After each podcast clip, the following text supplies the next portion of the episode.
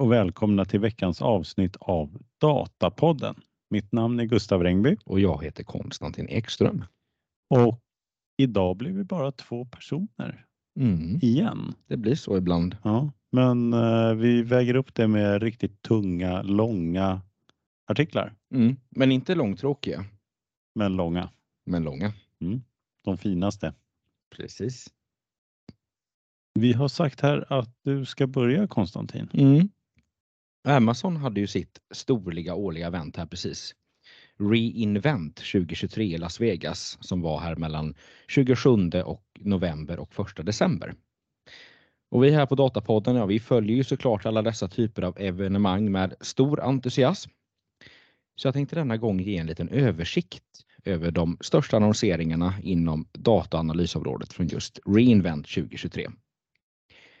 Och vi börjar här med tre nya erbjudanden inom serverless. Amazon meddelade tre nya serverlösa erbjudanden för att göra det enklare att hantera Aurora, Elastic Cache och Redshift serverlösa tjänster. Om vi börjar med Aurora här. Eh, AVS egna transaktionella relationsdatabas som är MySQL och Postgres kompatibel.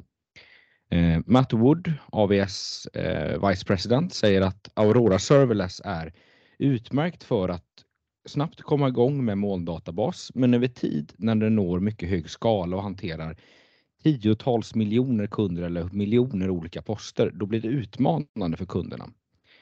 För det tvingar dem nämligen att bryta upp databasen i flera delar. Det kallas sharding.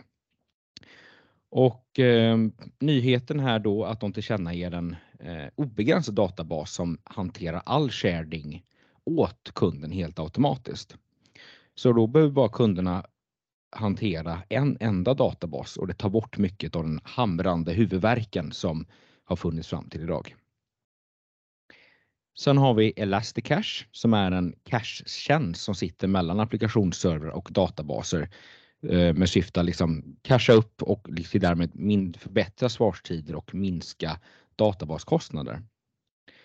Eh, de gör allt serverlöst genom Elasticache Serverless för kritiska applikationer som körs över tillgänglighetszoner.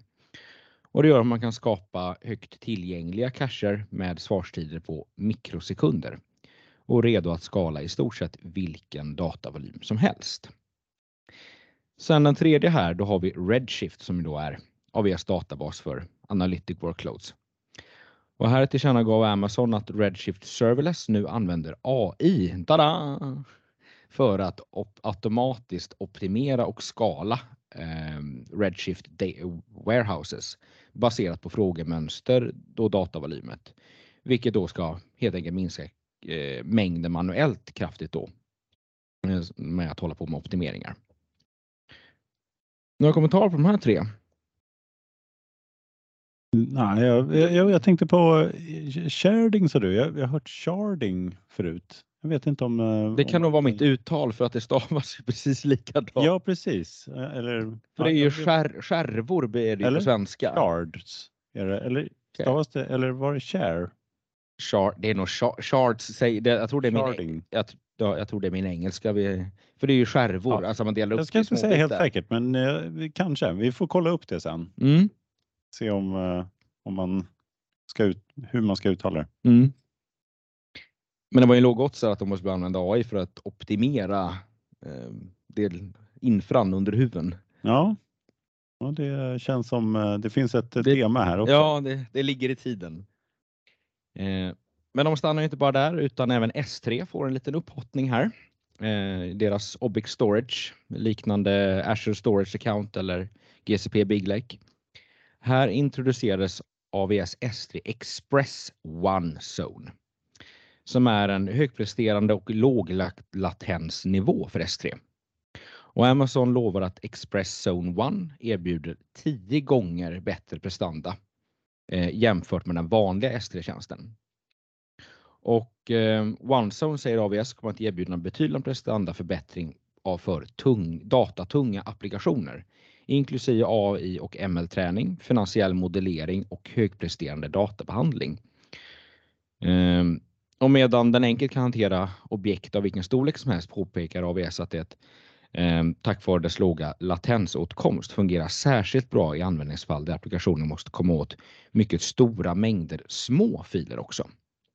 Ehm, och OneZone kan läsa detta, dessa små objekt upp till 10 gånger snabbare jämfört med SD-standard.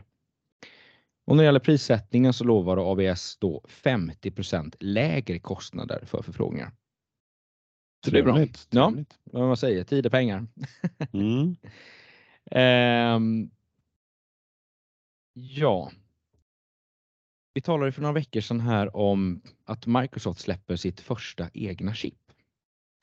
Och de är inte ensamma om att arbeta bland, med chiptillverkning bland hyperscalers. Eh, det råder ju brist på GPUer och när, efter, när efterfrågan på generativ AI ökar.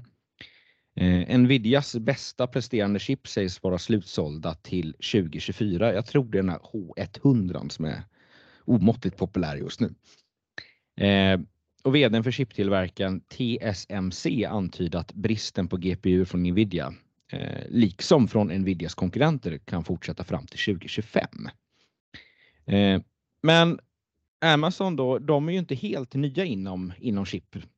Och på Reinvent så presenterar de då den senaste generationen av sina chip för både modellträning och inferens. Det vill säga när man kör eh, de tränade modellerna. Den första av de två, eh, AVS Trainium 2, är utformad för att le- leverera upp till fyra gånger bättre prestanda, två gånger bättre energieffektivitet än den första generationen, eh, som då presenterades i december 2020.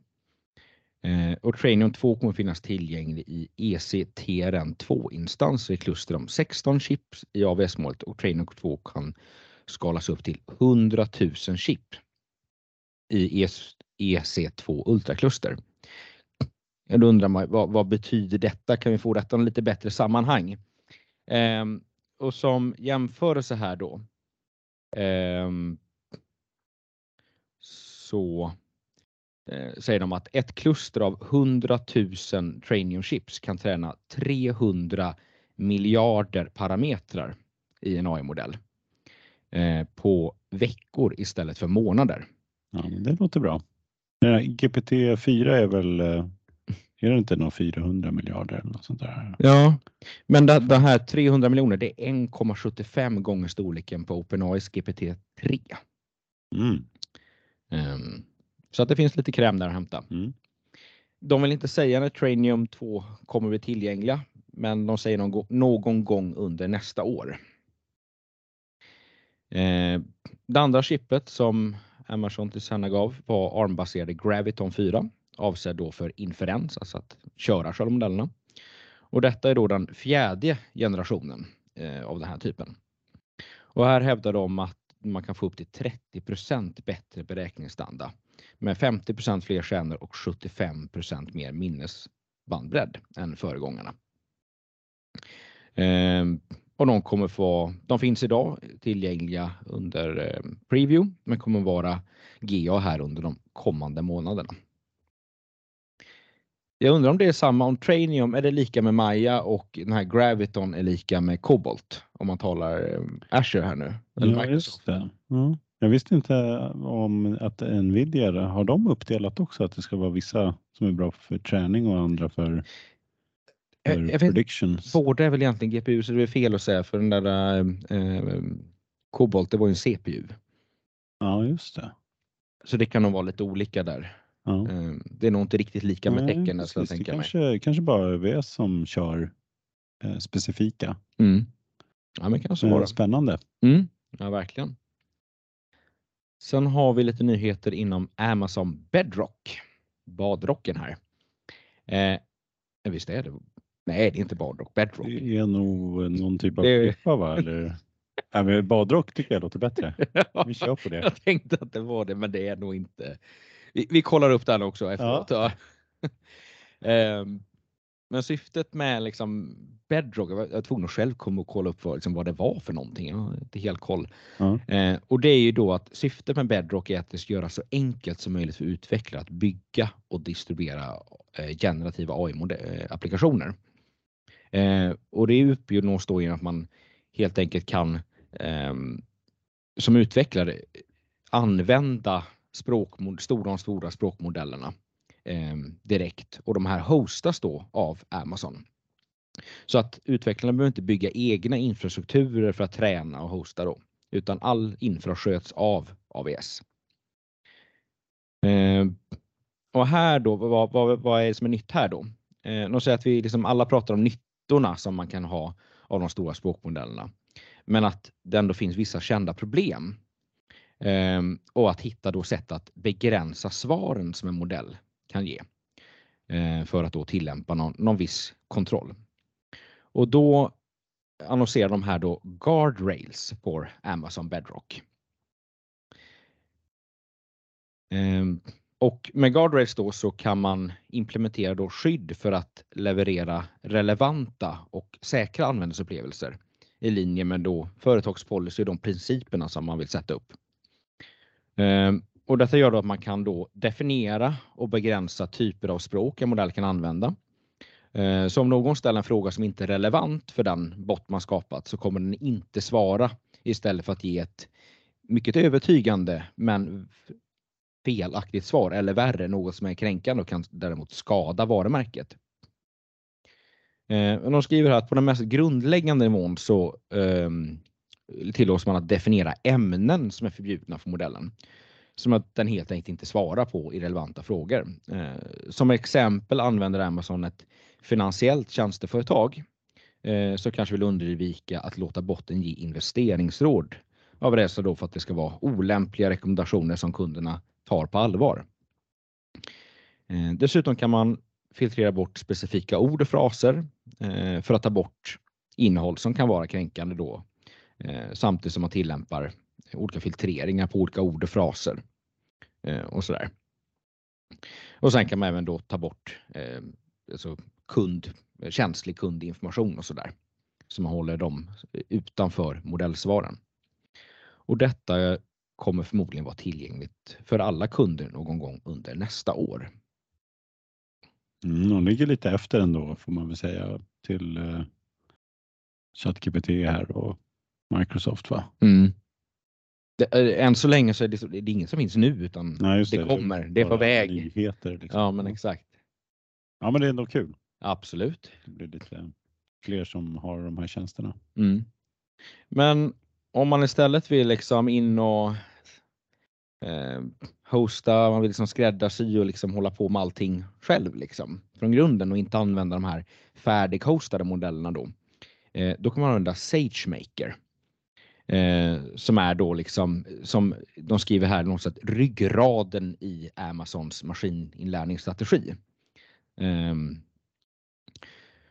och eh, det gör då att man kan eh, bygga då och, och träna sina LLMs här. Och här lanserar de SageMaker Hyperpod som är en ändamålsbyggd tjänst för träning och finjustering av stora språkmodeller. Ehm, och det får man då möjligheten att skapa distribuerade kluster och accelererade instanser som är optimerade för distribuerad träning. Ehm, man kan även då spara checkpoints regelbundet, vilket gör att man kan pausa, analysera, optimera träningsprocessen utan att börja om från början. Ehm, och tjänsten inkluderar även ett antal säkerhetsåtgärder så att om en GPU går ner av någon anledning så misslyckas inte hela träningsprocessen. Den kan vara väldigt skönt. Vi talar här om veckor och månader. Det är lite tråkigt så här, sista dagen, nästan klart 99% Nej, där föll det. Ehm, så um, det är väldigt trevligt. Så att de skriver att ett sånt kluster blir på något sätt självläkande. Det låter ju um, supertrevligt. Mm. Um, och sen så finns det massa andra förmågor då som gör att eh, som bidrar till att man kan då träna grundmodeller upp till 40% snabbare. Mm. Så det kommer mycket snabbare också. Och man så kan såklart då använda de här nya Trainium och Trainium 2-kretsarna då framöver. Ja. Sen har vi liksom den, inte elefanten i rummet, men lite eh, väntat och intressant. Snarare inte om de skulle släppa det, utan vad skulle den heta? Amazons egna chattbot. Och den heter då Q. Kort och gott. Det är James Bond-tema va? Ja, jag säga. också den. Tänkte lite grann så också. Mm. Ehm, och den här ska då erbjuda massa olika användningsområden. Ehm, och en av egenskaperna är då förmåga att indexera företagsdata och innehåll och sedan använda generativ AI för att förstå den semantiska informationen som gör varje företag unikt. Det handlar om produktnamn och jargong och, och sådär. Och genom att ansluta till befintliga datakällor inklusive eh, S3-lager och applikationer från andra leverantörer som de tar upp Salesforce, Microsoft, Google, däribland typ så här Gmail kunde man tydligen koppla upp också. Slack. Eh, och detta skulle då göra att Q blir en väldigt mångsidig assistent som kan anpassas efter företaget. Eh, och från start här nu så ingår över 40 olika applikationer. För verksamheter så erbjuder Q möjligheten att besvara frågor, lösa problem och generera innehåll och utföra olika åtgärder genom att dra nytta av företagets eh, kod och data och övriga information. Eh, dessutom kan man använda den för att få insikter från olika dokument som Word, Excel, CSV-filer. Eh, sådär, så man kan ha det för eh, viss typ av affärsanalys. Och för utvecklarna då så har de integrerat Q med olika miljöer för att underlätta arbetsprocessen.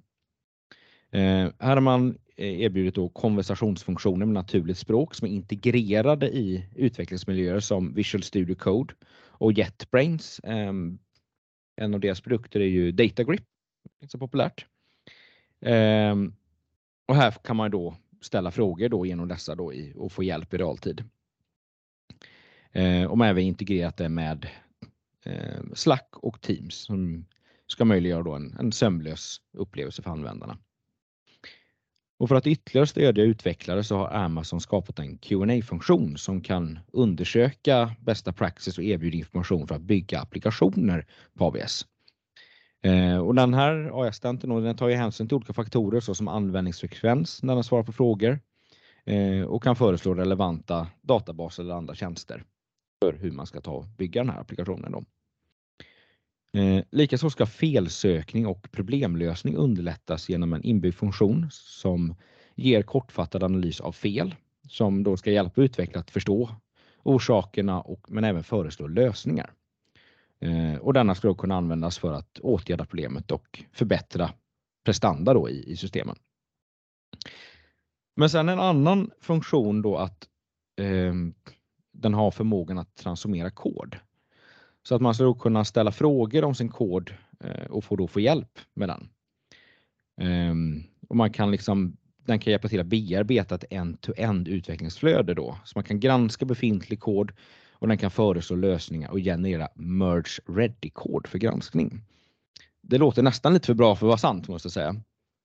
Ja, verkligen. Ja, trevligt. Mm. Och eh, den här är då i förhandsversion då. Som allt finns annat. Den, Ja. den finns nästan, Och släpps någon gång i nästa år.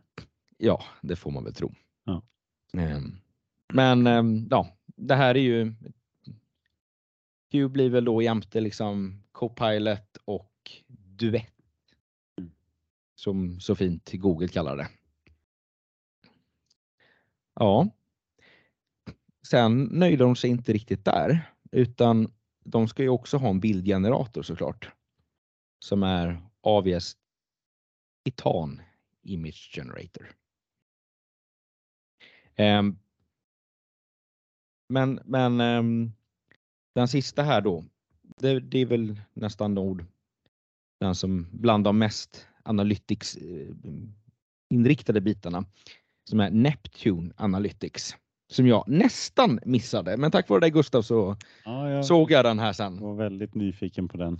Ja, Mest för att den hette Analytics.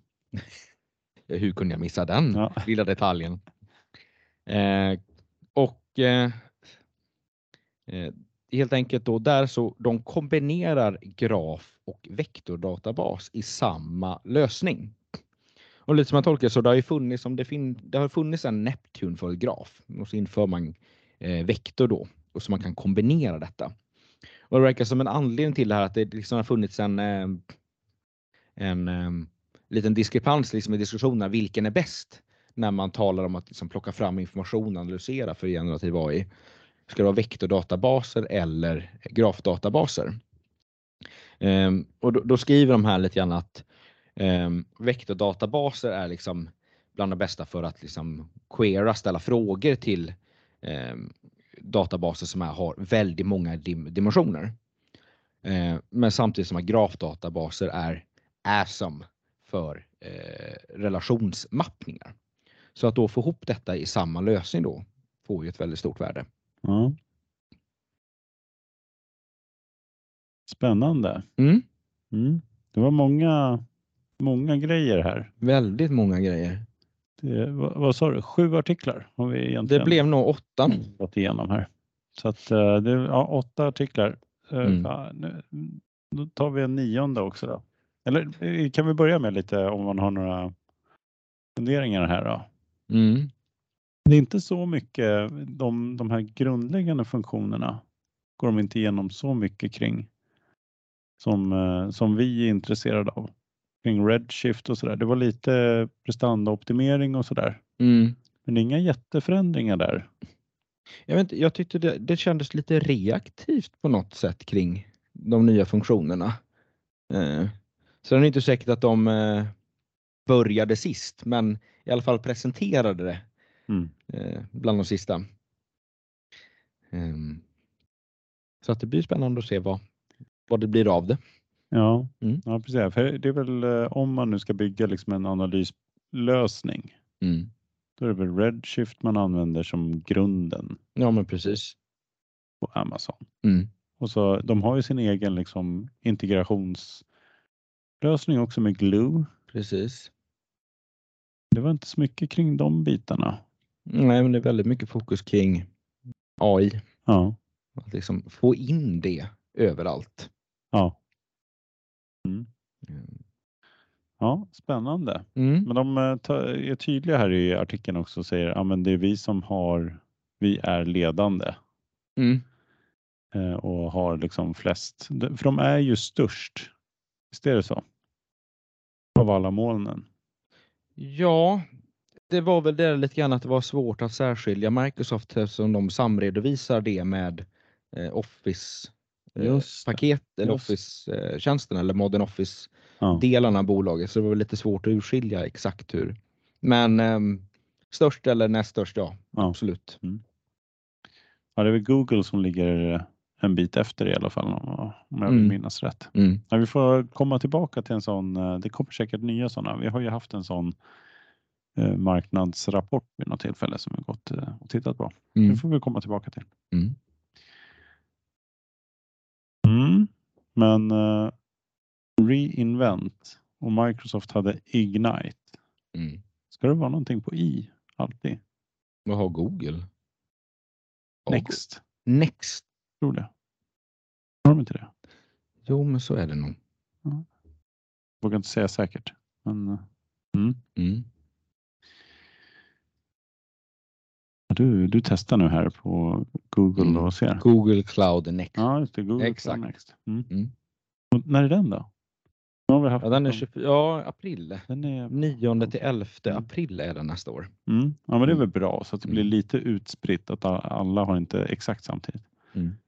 Å andra sidan Microsoft har väl, vad har de på våren? De har någon eh, också då va?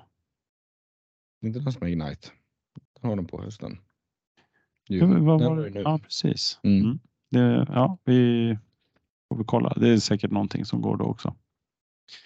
Men vi kör väl på här då. Ja, Om man nu undrar här, för nu har de tagit fram Q. Så ska Mm. vi se vad man kan använda de här Q till. Fast då får vi titta lite grann här på Microsoft. För det här är en artikel från Microsoft då, från 15 november. Och vi pratade ju om, förra veckan så tog jag en artikel som handlade om eh, affärsnyttorna med eh, Copilot. Och den utgick ifrån en undersökning som Microsoft hade gjort och det är den här artikeln. Då. Så det var där de hade börjat. Så vi tar dem i fel ordning men jag tror att de eh, står för sig själva också. Så 15 november på Microsoft.com så har de en, eh, en sajt inom Microsoft här som heter Work Trend Index. Och det är på den här som den här äh, artikeln, man hittar den här artikeln då. Rubriken är What can Copilots earliest users teach us about generative AI at work? De säger här då att de har ju haft åtta månader på sig att testa Copilot nu och på ett, liksom ett antal då testorganisationer. Och det de kan konstatera då efter lite testningar och provat sådär, det är att eh, Copilot gör människor mer produktiva, mer kreativa och sparar en massa tid. Det är liksom det de kommer fram till i den här eh, studien. Då. Och man tror också att eh, det här kommer ju det här är bara början, liksom, att man personligen då sparar massa tid. Och man tror att eh, eh, med tiden, nästa steg då, det är att man ska utnyttja det här och samla data då från de här processerna för att förenkla då liksom, på organisationsnivå också. Så först kommer alla de här personliga, varje person kan bli mer effektiv, men sen kommer det mer komplexa då, hantering av data och eh, automatiseringar med, med det här Copilot-stödet, tänker de då. Eh, det de säger här då, de har gjort en massa olika tester och eh, mycket av testerna är på Microsoft själva faktiskt som har testat eh, internt då. De säger, men de har också testat, det finns väl några early adopters här som har fått prova. Viktigaste punkten då, och det här kanske är Microsoft själva då, tycker det här är absolut viktigast. 77 procent av de här som har jobbat med Copilot då, vill inte sluta använda Copilot. Det låter lite, det låter lite som en drog.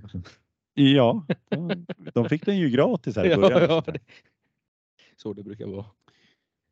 Eh, så att, eh, till viss del så har de suttit och eh, testat de här arbetena och så har de fått enkäter att svara på det när de har använt det här ett tag. Och 70 procent av de här som har använt det uppgav att de blev mer produktiva. 68 procent att det förbättrade kvaliteten i deras arbete. Och man konstaterar här att man blev fyra gånger snabbare på att komma ikapp ett missat möte om man då hade AI till tjänst. Jag tror det här är ju Teams-tjänsten då, Copilot, som sammanfattar ett möte sen efter. 64 procent uppger att de kan lägga mindre tid på att hantera e-mail-korrespondensen. Det, går, eh, det tar massa tid. Den eh, kan ju stötta där i, liksom, i svara på när du har fått ett mejl så kan den hjälpa till och ge ett eh, förslag på hur man ska författa ett mejl svar och så vidare. 80 85 procent uppger att de snabbare får till ett första utkast i mejl när man skriver ett mejl och så där. 75 procent hittar snabbare bland sina filer. Totalt sett då, eh, när man har testat det här så säger man då att i medel sparar man 14 minuter om dagen. Eller alltså drygt en timme per vecka mm. av de som har testat. 22 procent upplevde att man sparade mer än 30 minuter om dagen. Så, nu snackar vi. Mm. Det är två och en halv timme då. Så att, eh, det är väldigt trevligt. Ja, så det, det, var en massa sådana här svar och, och, så. Både det här liksom att man får snabbare till ett mejl, man blir, får bättre kvalitet eh, när man skriver och eh, man, får, man sparar tid så man får mer tid till fokustid här som de skriver.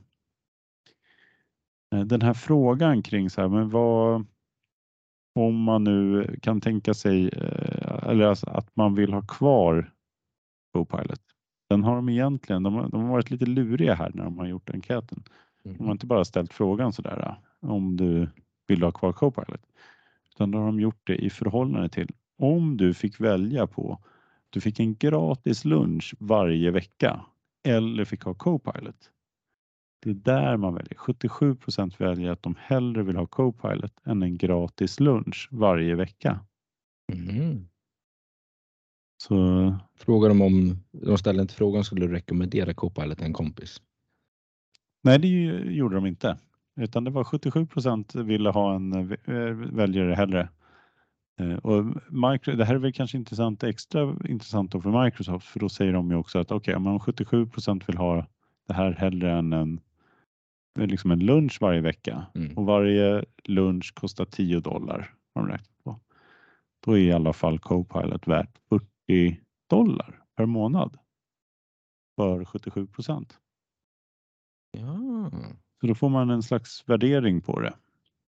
ja just det. Medans om man bara skulle få en lunch varannan vecka, Mm. då är det ännu fler som väljer det, 79 procent. Mm. Så då, det, där ser man liksom lite priselasticiteten i det här också. Mm. Så för eh, 20 dollar så får man bara 3 procent mer eller något sånt där, 2 procent mer. Ja, det var ju det var ett kul sätt att... Ja, en, en lunch i månaden, det 88 procent som Ja. vill ha Copilot. Men 77 procent är ju väldigt eh, högt får man väl säga. Mm. Så 40 dollar. Det, är, folk är, det man kan säga här, 77 procent och liksom 88 procent om den kostar 10 dollar då Mm. per månad. Det är ju att det är en ganska hög grad att den, alltså det, det ligger ganska nära 77 procent på 40 dollar. Och bara en fjärdedel av, av eh, priset så har du egentligen bara ökat an, procentenheterna till 88, alltså 11 procent. Mm. Så man har värderat ju den här ganska högt då får man väl säga. Mm.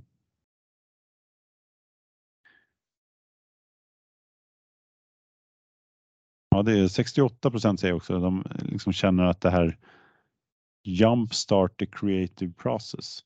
De har väldigt höga sådana här, äh, hjälper till med det kreativa och sådär. Så, men det var inte bara en enkät här. De gjorde fler grejer. Microsoft. De vill inte bara ha, ha liksom enkätsvar utan eh, de tog också in Tidsstudiemannen här. Mhm, Den gamla klassisken. Ja, Jaha. som fick sitta och, och liksom eh, klocka vad olika arbetsteam gjorde då. Och då hade de Jag, lite, visual, jag visualiserar mig en man i en vit rock här framför mig. ja, med en liten klocka. Och, eh, Eh, så då, då hade de lite olika sådana här eh, test som de gjorde på, eh, på lite olika områden. Då. Man gav uppgiften att skriva blogginlägg. Skriv liksom en, en bloggartikel. Liksom en första draft. Och så såg man hur lång tid det tar om man hade Copilot eller om man inte hade det. Och liksom första draften där, det var, då gjorde man det utan Copilot så tog det 14 minuter att skriva någon liksom kort beskrivning. Med Copilot så var det eh, 8 minuter. Så 6 minuter sparade man per då draft av någon, någon typ av artikel eller något sånt. där. Det är väl rätt bra. Mm. Men eh, det var inte bara det testet man gjorde. Det testade man också. Då hade den här tidsstudiemannen som ställde upp liksom eh, två grupper av, eh, av anställda då, på Microsoft faktiskt. Och där några fick ha Copilot och andra inte. Och så bad man dem att summera ett möte som de hade missat. Så det fanns en 35 minuters då möte som, eh, där man liksom hade en debatt och, och så vidare. Och eh, där eh, tog det 11 minuter med Copilot och 43 minuter utan Copilot. Så 32 minuter sparade man om man ska liksom summera ett missat möte. Mm. Men gör inte Copilot det helt själv? Jo precis, då, då gör ni det själva. Eller om du liksom måste ha någon som tittar på det och sen summerar antar jag. Så, Nej, jag tänkte annars borde det vara instant om den bara liksom tjoff. Är... ja, ja, ja. Men det Mm, betyder att kanske att någon tittar på det och Ja, går kan- igenom det och Ja. sådär. Mm, mm. kan det vara. Så kan Mm. det vara. Ja, den, den tog i alla fall lite tid. Eh, så att jag antar att det finns någon, att man ska eh, utnyttja det här men man, eh, ja, på något sätt eh, kanske den eh, stödjer Mm. i summeringen. Så måste det ju vara. Mm. Annars skulle det vara noll. Som också är bra förstås. Eh, ja, men, och sen så hade de, eh, de testade e-mail effektivitet också. Där man testade och, och så fick, eh, fick en grupp personer då, eh, här fick tidsstudiemannen inte vara med. Det blev ingen tid här. Eh, Men eh, där man testade och såg eh, så här, men de här mejlen är skrivna av Copilot och sen vissa mejl var skrivna av liksom bara av eh, människor. Och det var till och med så att man eh, liksom tyckte att de som var skrivna av Copilot var bättre än de mänskliga. 25% högre, liksom att de var korrekta eh, mot eh, de mänskliga. Så det var po- positivt. Mm. Men tidsstudiemannen kom tillbaka. Jag tycker det är bara kul att säga det. Jag tänker på den här eh, Nile City. City, söka information. Eh, Så då har man gett liksom, eh, lite olika har man gett lite så här uppgifter att man ska eh, handla om någon så här, ja men du måste hitta inköpspolicyn kring det här och det här. Och, och så får man liksom söka bland filer och lite olika intranät och sådär. Eh, Och eh, då utan Copilot tog det 24 minuter och med Copilot så tog det 18 minuter. Fortfarande ganska lång tid ändå. Ja, man, Men det kanske, det kanske sätter fingret på det du brukar prata om, liksom vikten av att du skriver information i det här dokumentet så att det blir smidigt för en sån här eh, modell att ja, läsa verkligen. det. Alltså, det. Ja, precis. För man tycker att det borde nästan bara vara och, och men jag, jag menar, det är en skillnad här att det inte är. Det är kanske ändå en svår. De tar väl datakällor och sånt där som är svåra även för den här Copilot, så den kan väl inte ha all data. Nej, men det står säkert i flera dokument och sådär. Ja, liksom, precis. så man måste verkligen gå igenom dem. Mm. Mm. Eh, så att det var liksom så här allmänt så där. Så har man en massa sådana här. Eh, man sparar massa tid i liksom speciella då. Missade möten så skulle man spara väldigt mycket. Eh, bloggartiklar och sånt där eller liksom texter. Det är ju nästan 50% av tiden man vinner där. Den är ju väldigt bra. Men sen så har de även testat, de har ju liksom ett par sådana här Copilot-versioner då för, som är specifika för eh, olika då affärsprocesser. Så det finns ju Copilot for Sales som eh, finns tillgänglig. I, eh, vad heter den, Viva Sales va? Mm. Funktionen till Dyna, Dynamics och så. Och där har man en ännu högre. Det, man kommer in på det här med processerna då, att man har mer att vinna då när det är liksom mer riktat. Mm. En sån här Copilot. Och där säger de att eh, i medel då bland de här säljarna som fick använda Copilot så sparade man 90 minuter per vecka Mm. på att använda Copilot då, mot icke Copilot eh, säljare. Så det var ju eh, relativt bra får man säga. De säger de här eh, säljarna då säger att de kände sig 83% kände att de blev mer produktiva. Eh, 67% som kände att de fick mer tid till att liksom ja, spendera med kunderna. Och 64% att de kände att de blev bättre på att personalisera då kundengagemanget. Men eh, det finns en till. Copilot in Dynamics 365 Customer Service också. Då är det kundservice.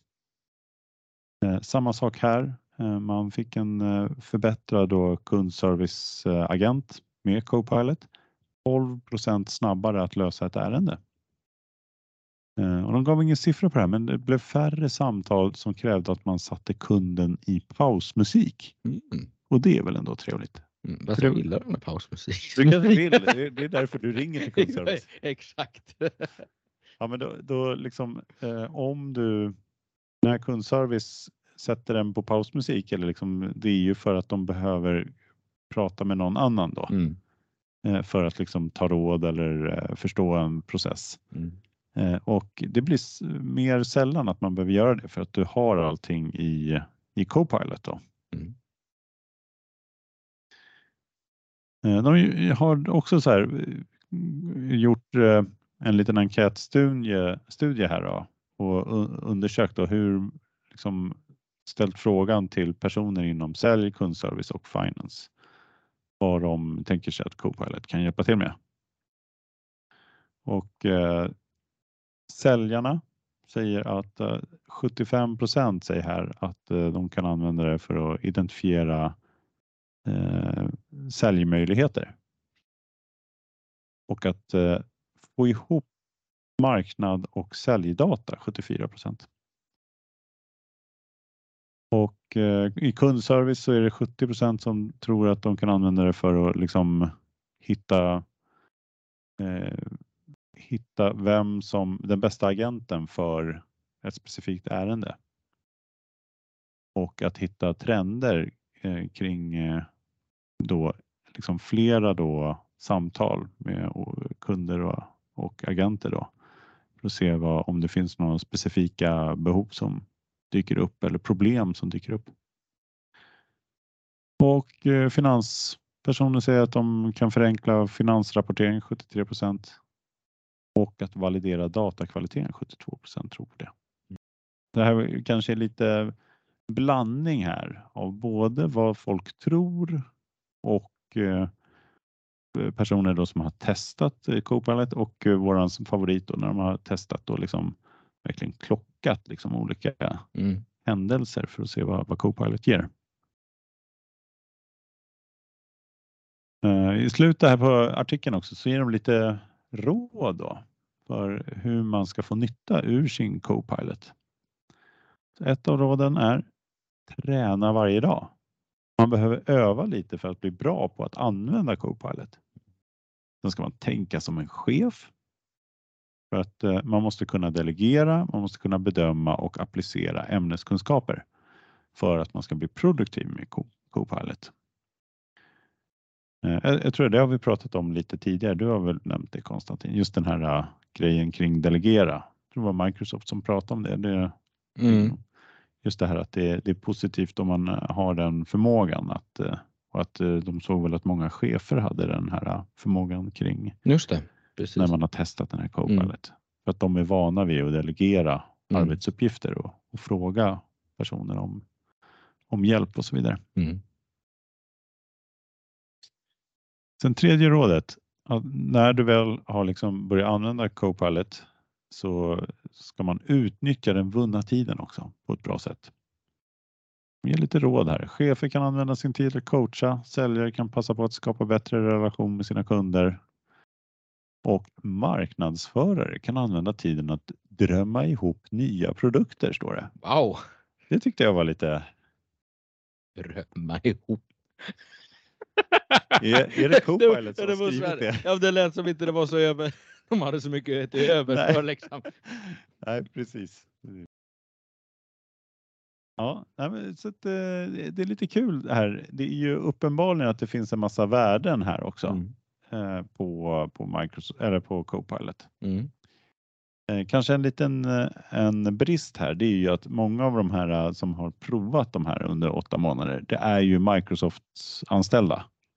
Man, man kan väl misstänka att de, de är inte helt liksom eh, objektiva. Är mer entusiastiska än andra. Ja, men det kan ju finnas en sån eh, Och techvana också. techvana eh, så att det kanske inte är lika lätt för, eh, för andra att ta till sig det här heller. Eh, kan man väl misstänka. Mm. Men jag var, det jag reagerade på mest var att det ökade kreativiteten. Jag funderade Ja. på, liksom, okej, vad kan det bero på? Men det är väl kanske att man, man kan liksom be den generera upp tre olika alternativ eller fem förslag på hur man ska göra. Då kan man liksom komma igång i drömprocessen där. Precis i drömprocessen. Det borde ju verkligen marknadsförarna behöver väl inte drömma längre för de har ju Copilot till det. Ja, precis. Eh, nej, precis. Men jag tror eh, det är en artikel som vi, jag har sett i flödet. Jag, den ligger nog i våran lilla artikeldatabas. Mm. Eh, har jag för mig, för jag tror inte vi har tagit upp den, men eh, där de eh, såg att de jämförde de gjorde tester där de jämförde masterstudenter med, liksom med en LLM-modell. Mm. Och så här, vem kan ge bra liksom, nya idéer kring ett problem? Mm. Där liksom den här LLM-modellen var bättre. Den, Mm. blev liksom, den var mer kreativ än vad de här studenterna var. Mm. De stackars studenterna.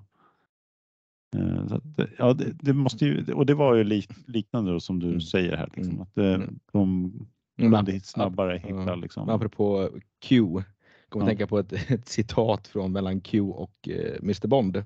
Ja, Eh, när den här, det är ju en ny ung i någon, jag tror Casino Royale, första filmen där. Eh, när de precis har bytt. Så eh, blir Bond lite förvånad och så eh, svarar den där nya Q då att eh, age is not a guarantee of efficiency. Eh, och så annat och så svarar han um, youth is not a um, is not a guarantee of innovation. det är bra. Det är Ja. bra. Så du menar att eh, Q behöver inte bli mer innovativ än Copilot? Är det det som är slutsatsen här? Eller? Ja, nu rörde du till. Ja. Men det är ingen jätteskillnad i det- ålder? Nej, Ett år eller så? tror det är så.